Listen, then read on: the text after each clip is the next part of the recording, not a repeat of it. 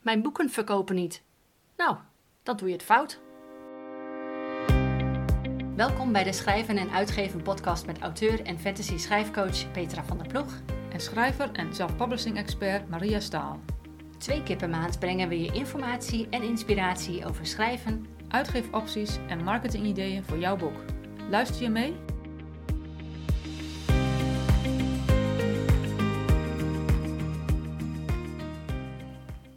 Hallo, ik ben Petra van der Ploeg en vandaag is het vrijdag 14 oktober 2022.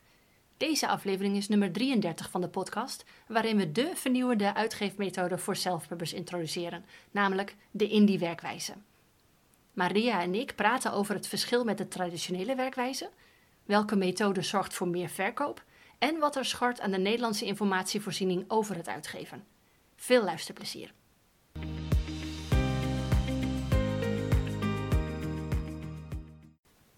Hallo Maria. Hey Petra.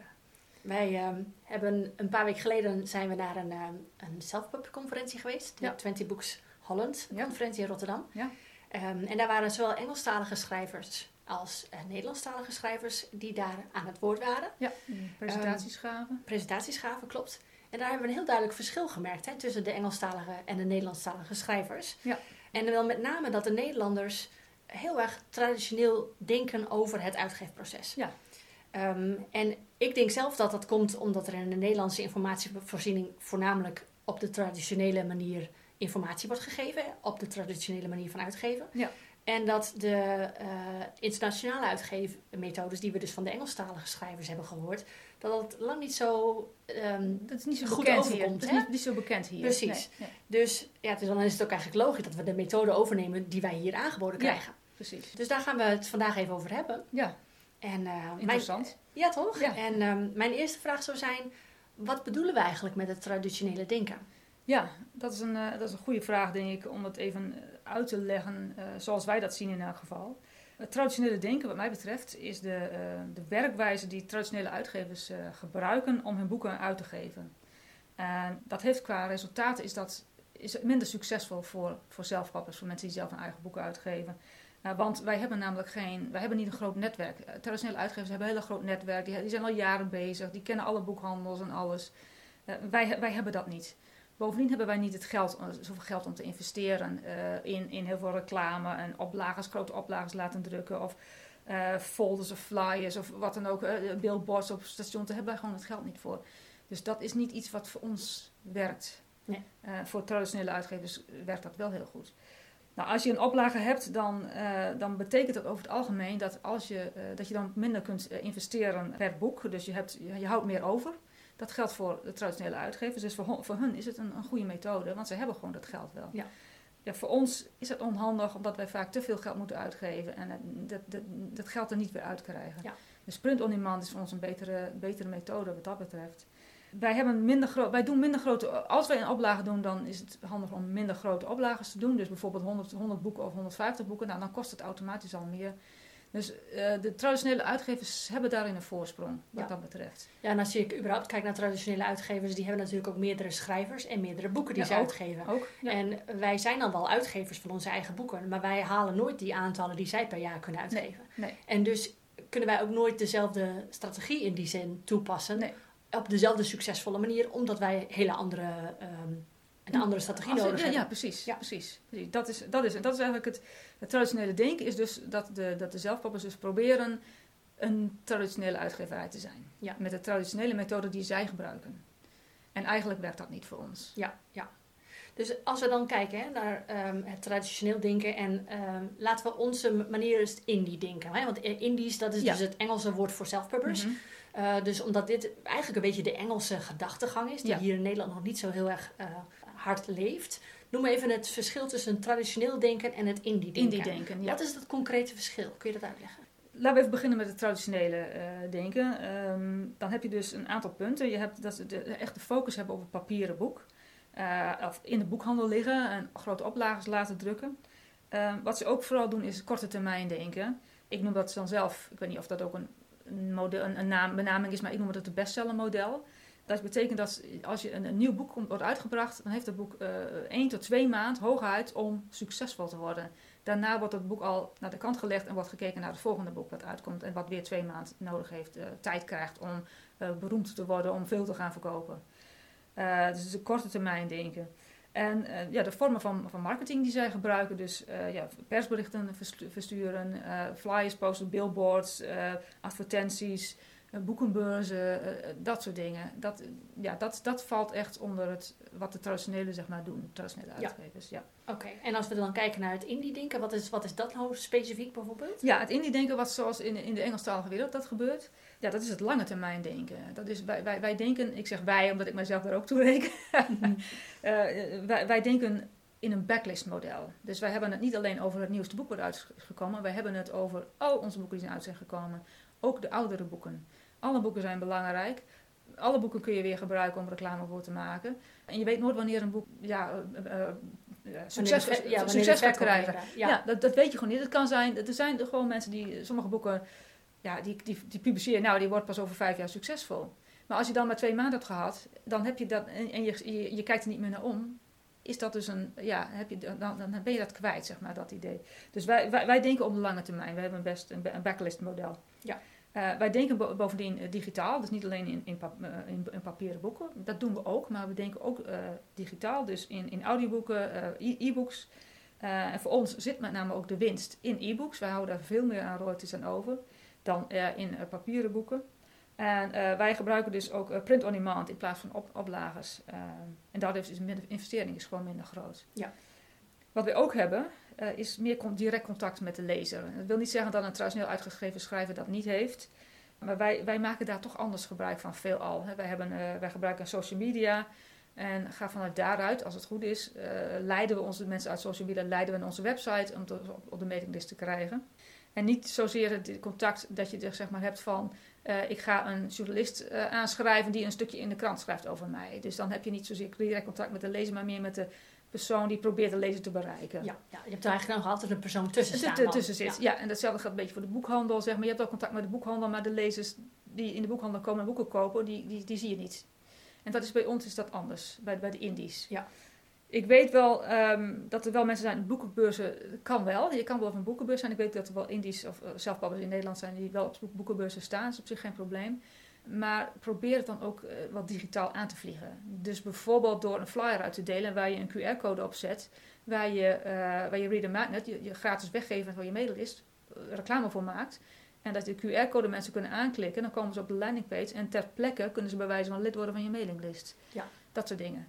Ja, want dan heb je dus ook dat als mensen, um, stel dat je daar op je boekenbus staat met je boeken en mensen kopen een boek, je hebt geen idee wie, die, wie, wie, nee. wie, wie, die persoon is. Wie het is, dat is. Dus, en, en, hij loopt weg en je ziet hem nooit weer. Precies. En op het moment dat jij dus het digitaal insteekt en je doet het bijvoorbeeld dat, dat ze via een QR-code je nieuwsbrief kunnen uh, abonneren of je boek kunnen kopen, dat je ook op die manier, dan heb je wel de gegevens van die persoon precies. en dan zou je die persoon altijd weer opnieuw kunnen bereiken. Ja, weer bereiken als je weer een nieuw boek uitgeeft. Precies, precies. Want als je, ze hebben jouw boek gekocht en dan mag je ervan uitgaan dat ze je boek leuk vinden, anders kopen ze je boek niet. Dus dan willen ze vast ook je, je vervolgboeken lezen. Maar als jij niet weet wie ze zijn, hoe moet je ze dan weer bereiken? Precies, precies. Ja, ja dus, uh, dus dat zijn eigenlijk heel concrete verschillen tussen traditioneel ja. en indie, indie denken. Ja. Maar dan ga ik even advocaat van de duivel spelen. Want alle dingen die jij nu noemt van het indie denken, um, zijn ook dingen die, tenminste, laat ik het zo zeggen, e-books worden bijvoorbeeld ook door traditionele uitgevers wel gedaan. En als we kijken naar de traditionele denken, de vormen van marketing kunnen wel degelijk werken. Dus mm -hmm. als het wel werkt voor een uitgeverij, een traditionele uitgeverij, waarom zou het dan niet voor een indie kunnen werken? Ja, het kan wel werken, het traditionele uh, denken, maar er zitten wel veel haken en ogen aan. Want een van de dingen is bijvoorbeeld dat boekhandels vaak niet zelf uitgegeven boeken innemen. Bijvoorbeeld. Zelfs als je daar, uh, de, de, lokale boekhandel zal misschien een hand over het hart strijken, maar als je naar een grote stad gaat en je gaat, gaat alle boekhandels bij langs. Ik heb dat een keer gehad dat ik mijn boek geprobeerd in de, in de, in de uh, boekhandel te krijgen in, in, de stad Groningen. En die man die keek zo met zo'n zo'n gezicht naar mijn boek. Echt zo van, nou, het is zelf uitgegeven zeker. Neem me weer mee, ga ik niet doen. Dus dat, heel veel boekhandels hebben dat.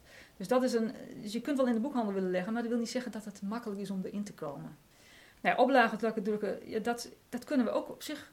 Tuurlijk kunnen we dat. En er zijn ook zelfpappers die dat ook met succes doen. Ik wil toch even Sietske Scholten bijvoorbeeld noemen, die doet dat met succes.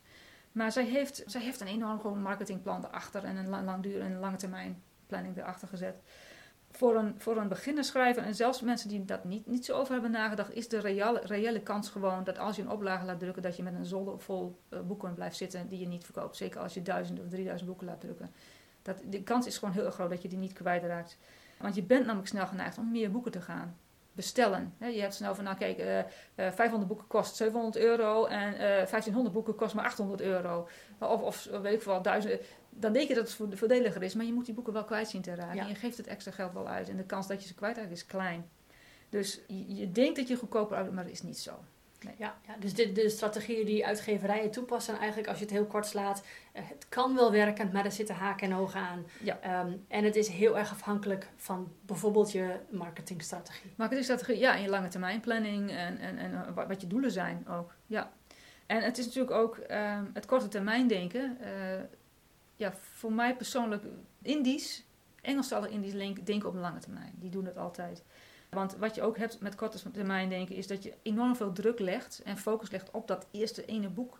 Die moet heel veel, daar moet je per se onmiddellijk uh, de, de, succesvol mee zijn. En anders ben je, anders ben je, dan ben je prut, dan ben je niks. Ja, heb je gefaald. Dan heb je gefaald. En dat is gewoon niet zo. Want een boek dat nu misschien niet verkoopt, dat verkoopt over een jaar misschien wel. Ja. En dat is, dat is, dat, dat is het korte termijn denken kan, maar het is niet, het is niet uh, ik denk dat je, dat je de verwachtingen te hoog en dat je teleurstellingen te groot zijn. Dit is ook een grote verschil, denk ik, met een traditionele uitgeverij. Omdat die zich wel focust inderdaad op die eerste verkoop van het boek. Als dat niet goed presteert, zullen ze dat boek niet snel, snel weer opnieuw in de verkoop doen. Want zij hebben dat backlist model niet. Nee. Um, omdat zij eigenlijk voor jou tien anderen bewijzen van. Zij hebben heel veel schrijvers, heel veel aanbod, heel veel manuscripten heel die manuscripten. ze krijgen. Dus als deze niet, nu niet werkt, dan gaan we gewoon naar, door naar de volgende. Ja. Dat is voor een indie niet zo. Nee. Want een indie heeft dat boek net geschreven. Dat boek willen ze natuurlijk verkopen. En lukt het nu niet, misschien over een jaar wel. Precies. als de markt weer anders staat, bijvoorbeeld over het onderwerp waarover je schrijft. Ja, nee, dat klopt. Het is, het is een heel andere, het is een andere manier van denken. Ja. ja. Dus, eh, je, je, kijk, dus je kunt altijd wel zorgen dat je gaat denken als traditioneel, dat kan, maar het is te lastig. Het is, het is uh, voor ons persoonlijke, individuele schrijvers die uh, boeken uitgeven, is het, ja, is, het een, is het een veel grotere uitdaging, laat ik het zo stellen. Ja, en, en ik denk dat het belangrijk te zeggen is, en dat is voor de meeste mensen wel duidelijk, maar wij hebben ook niet dezelfde middelen als een uitgeverij. Nee, we wij hebben niet het netwerk, wij hebben niet het geld, wij hebben niet hun strategie uh, die wij uh, op onszelf, ons persoontje kunnen toepassen precies. voor onze boeken. Nee. Dat is toch echt anders. Dat is echt anders, ja. Um, en toch, hè, want je zei net al van de indie werkwijze is meer gericht op het digitaal denken. En het is natuurlijk altijd en-en. Maar als we kijken naar de verkoopcijfers van bijvoorbeeld het CB en het KVK, uh, eh, KVB boekwerk over 2021, dan zien we wel dat de Nederlandse, Nederlandse lezers toch een hele grote voorkeur blijken te hebben voor papieren boeken. Dus waarom zou je dan zeggen, is de indie-denkwijze toch de focus hebben op e-books? Ja, dat is een supergoeie vraag. Toevallig hebben wij uh, vorige week een uh, interview gehad met Mark Leslie de Veef die uitzending is ook al, die aflevering hebben we ook al uitgezonden. Dat was nummer 29. Ja, die is 30 augustus is die uitgezonden. Ga die vooral terug luisteren, want dat was een hele leuke. en uh, hij heeft het erover, had het er ook serieus over dat er in de wereld gewoon nog heel veel papieren boeken worden gelezen. En in Nederland worden nog heel veel papieren boeken gelezen. Dat is ook helemaal niet erg. Want zo, zo is het gewoon. Het wil niet zeggen dat we geen papieren boeken moeten gaan uitgeven. Dat we alleen e-boeken gaan uitgeven. Wat wel zo is, dat het uh, voor ons met het backlist model is het gewoon uh, makkelijker om e-books uh, te zorgen dat het beter gaat werken voor e-books. Dat is, dat is gewoon makkelijker.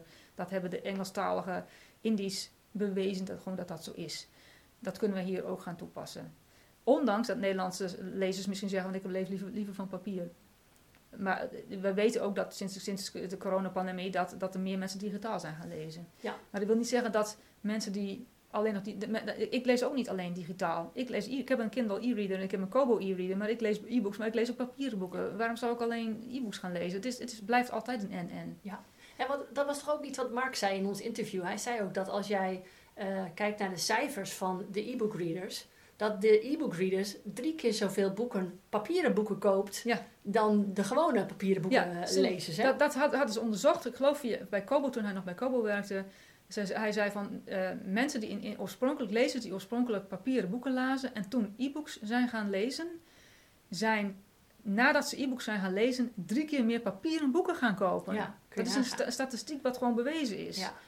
En dus, dus het is niet zo dat e-books de vervanging zijn van papieren boeken. Het is echt en-en. Ja, ja. Ja. En daarom snijden we onszelf eigenlijk in de vingers als wij alleen maar de focus leggen op papieren boeken. Omdat we Ja. bij e-boeken ook winst kunnen halen. En we, we, slu- we sluiten onszelf in de vingers als we alleen de, de focus leggen op e-books. Want Ook. we kunnen ook bij papieren boeken, want er zijn ook altijd lezers die wel papieren boeken doen. Het is, het is echt iets wat we gewoon allebei moeten doen. Alleen wij doen dat op, eh, over het algemeen, kan ik aanraden, via print on demand en niet via een oplage. Ja. Dus er zijn, er zijn andere manieren voor ons, indies, om toch eh, een papieren, de focus op papieren boek te hebben, maar op een andere manier is dat je minder geld aan kwijt bent. Ja, ja.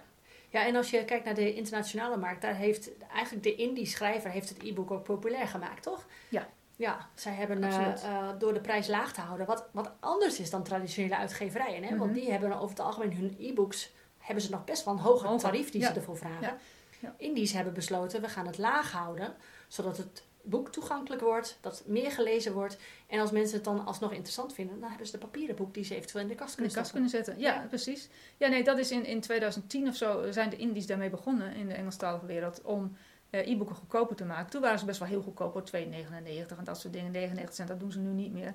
Maar daarmee hebben ze wel in gang gezet dat lezers geïnteresseerder werden.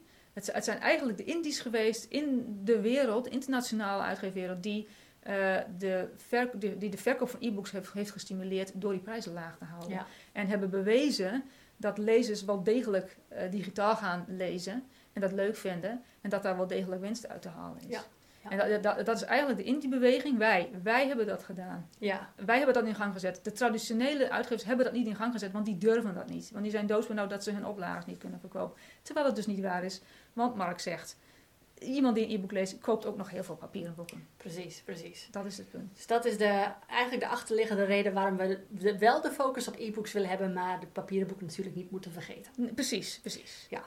Volgende vraag die Ja. ik voor je heb. Want we zeiden namelijk in het begin eh, hè, dat de Nederlandse informatievoorziening nog heel erg gericht is op die traditionele denkwijze.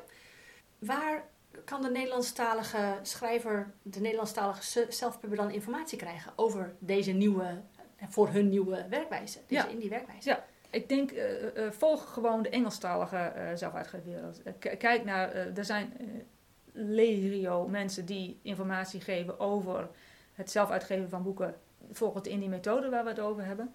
Dan bijvoorbeeld, het kan, kan via YouTube, maar ook via podcast en, en blogpost.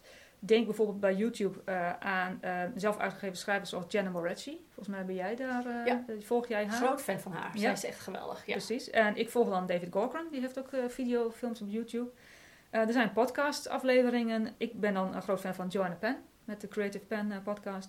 Draft to Digital heeft een, ehm, een podcast waar wij ook een keer op gaan. Yay! Yay! Spannend. Dat gaat nog even duren, maar eh, dat, dat gaat een keer gebeuren. En eh, je hebt een, eh, die ik vroeger volgde, dat was de Six Figure Author podcast. Ehm, die zijn nu gestopt, maar er zijn nog heel veel backlist afleveringen die je gewoon terug kan luisteren en wat gewoon nog, nog steeds heel erg van toepassing is. Ze zijn nog niet lang gestopt, met drie, drie maanden geleden of zo. Nou, er zijn websites met blogposts, zoals de, de website van de Alliance of Independent Authors. Ehm selfpublishingadvice.org is het volgens mij. Ja. Daar staan heel veel dingen op. Ze gaan wel, heb ik gehoord, eh, dat ze eh, deze zomer eh, die website willen aanpassen, zodat het beter zoekbaar wordt. Dus dat zal heel goed zijn, want het, is, was niet zo heel goed te, te vinden waar de, afle- de blogposts over gingen. Dus daar zijn ze mee bezig om die toegankelijker te maken.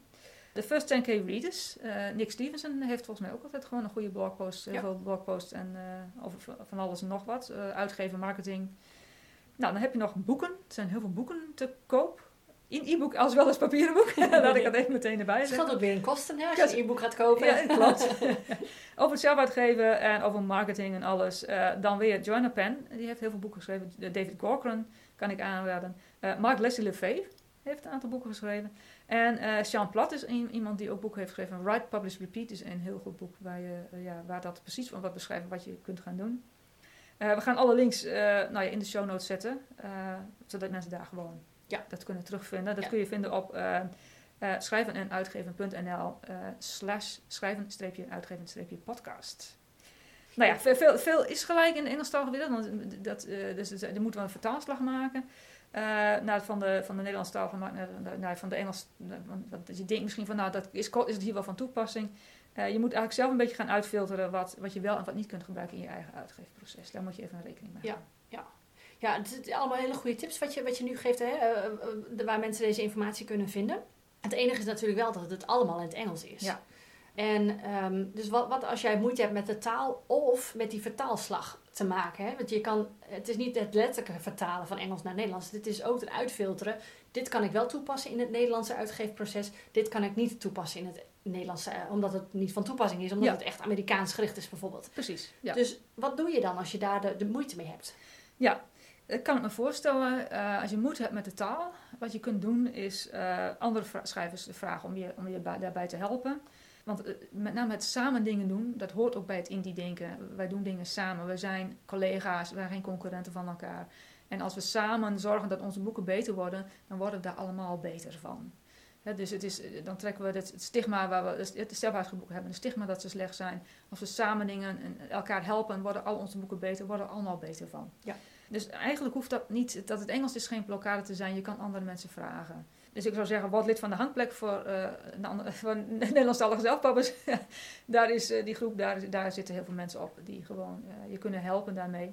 De vertaalslag kan soms lastig zijn, juist ook omdat het, de, de, de, de traditionele denkwijze in, in de Nederlandstalige schrijver geslopen is. En dat je soms het, het idee heeft van, oh, dat, dat geldt niet voor mij, eh, dat, dat, dat hoeft niet, dat hoeft niet. Terwijl het juist misschien wel heel goed van toepassing kan zijn, omdat je gewoon niet herkent op dat moment. Precies, En dat is dus de vertaalslag die je kunt eh, doen.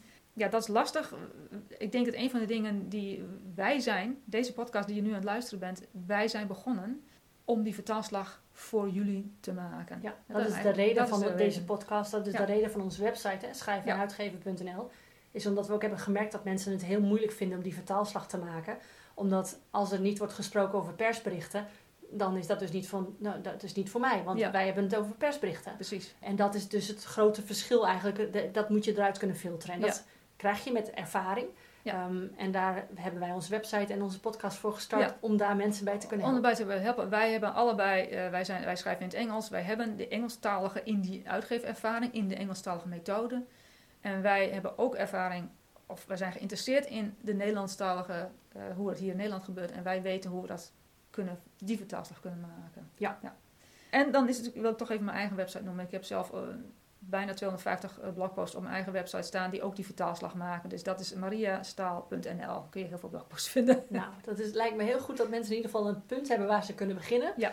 Dus ik denk dat we heel wat al hebben besproken. Maar ik ben eigenlijk wel benieuwd, kunnen we dit nog samenvatten in een conclusie? Eh, vast wel. Vast wel, hè? Vast wel. ik denk het wel.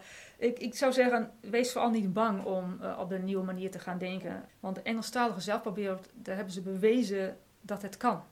Je kan wel zeggen van, oké, ik, ik, ik denk dat de traditionele manier, eh, eh, dat het werkt voor mij.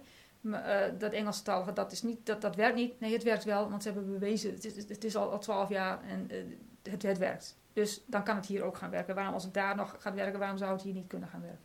En ik denk dat je zelfs moet kijken dat op dit moment zijn de inter- internationale traditionele uitgevers, die kijken bepaalde dingen af van ons Indies, specifieke marketingmethodes met name, die wij hebben bedacht, die zij nu over gaan nemen. Bijvoorbeeld door het het eerste boek eh, in een serie bijvoorbeeld goedkoper te maken. Dat, wat hebben ze nog meer? E-books. De e-books. Ja. Ja, de e-books doen ze. En, eh, en wat ze ook, als de oplage op is, dat ze dan niet weer nieuwe oplagen laten drukken, omdat ze print on demand eh, verder gaan in print on demand. Ja, en ook met e-books zijn ze volgens mij ook qua prijzen zijn ze naar beneden gegaan. Hè? Ze hadden toch Ja. altijd qua, toen de e-books voor het eerst via traditionele uitgeverijen eh, werden uitgebracht, waren ze rond dezelfde tarieven als de pa- Als paperbacks en de ja. hardcovers. Dat was een paar euro minder. De indies hebben het eigenlijk altijd heel laag gehouden ten Ja. opzichte van de paperbacks. Maar dat zien we nu ook in de traditionele uitgeefwereld. Dat die prijzen ook eh, meer gaan verschillen met paperbacks. Ja, hè? naar, naar beneden gaan. Ja, ja. dat klopt. Dus ze nemen dingen van ons over omdat ze zien dat het werkt. Dus als het niet zou werken, dan zouden ze dat niet gaan doen. Nee, Dan nee. zouden ze dan niet hun, eh, hun, hun, hun, eh, al hun investeringen, alles, dat risico niet lopen. Dus mocht je al denken van, nou ja, die Engelstalige Indie-methode is niet voor mij, want het werkt niet hier. Het werkt wel, want de, de internationale traditionele uitgevers hebben ontdekt dat het wel werkt. Dus dan, waarom zou het hier dan niet Ja. werken? Wij kunnen dan gewoon diezelfde strategieën ook gewoon toepassen.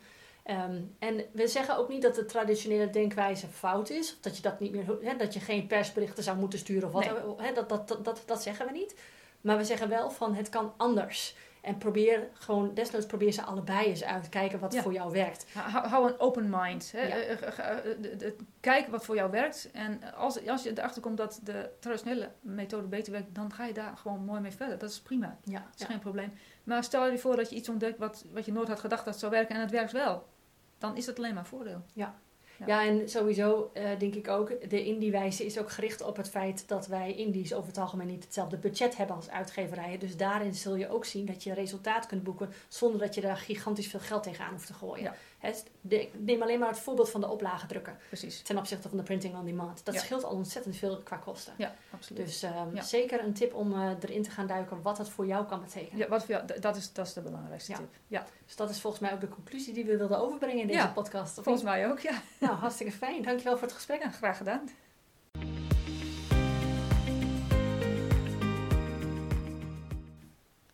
Als wij zelf pappers de uitgeefmethode van traditionele uitgevers afkijken, vergelijken we appels met peren. Wij hebben namelijk niet hetzelfde budget, netwerk en verkoopkanalen en kunnen verkoopresultaten dus ook niet nabootsen. Sta open voor verandering. Oftewel, ga niet alleen uit van de Nederlandstalige informatievoorziening, maar luister bijvoorbeeld ook eens naar de podcast van Joanna Penn. De volgende keer hebben we het over de harde cijfers. Wat kost het nou echt om een boek uit te geven? We bespreken de essentiële kosten, hoe je dit zo laag mogelijk kunt houden en welke uitgaves je wilt vermijden. Tot de volgende keer.